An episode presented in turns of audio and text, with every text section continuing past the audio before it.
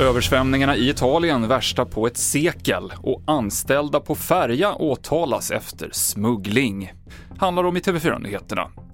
Om minst 13 personer har avlidit efter översvämningar och jordskred i norra Italien nu i veckan. Eh, idag har en, kommer en del av skolorna i Bologna till exempel att hålla öppet. Men det är ju fortfarande så att många människor, tusentals, kan inte återvända hem. Vissa kommuner är under vatten och eh, arbetet fortsätter ju dels med att sätta människor i säkerhet eftersom man inte riktigt vet om det kommer nya jordskred. Men sen i andra städer, då, Bologna till exempel, där har tusentals människor anmält sig som frivilliga för att städa upp. Därför att med de här stora översvämningarna så kommer också lera. Det är lera överallt. Rapporterade Filip Jakobsson på plats i Italien. Det är översvämningsrisk även i norra Sverige. I de östra delarna av Norrbotten är det höga flöden på grund av snösmältning och regn.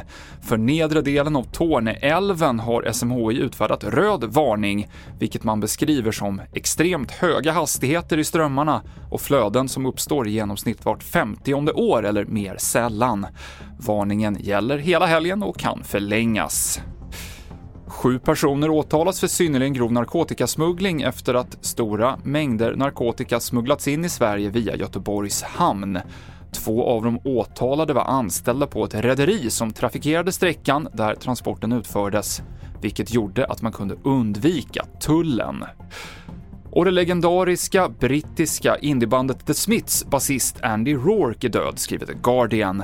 Bandet med den kontroversiella frontfiguren Morrissey är kända för låtar som This Charming Man och There's a Light That Never Goes Out. Andy Rourke avled efter en längre tids sjukdom och blev 59 år gammal. Och du hittar fler nyheter på tv4.se.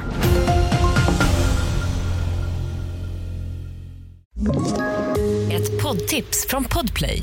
I fallen jag aldrig glömmer djupdyker Hasse Aro i arbetet bakom några av Sveriges mest uppseendeväckande brottsutredningar.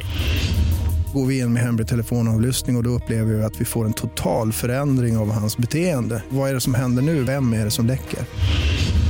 Och så säger han att jag är kriminell, jag har varit kriminell i hela mitt liv men att mörda ett barn, där går min gräns. Nya säsongen av Fallen jag aldrig glömmer på Podplay.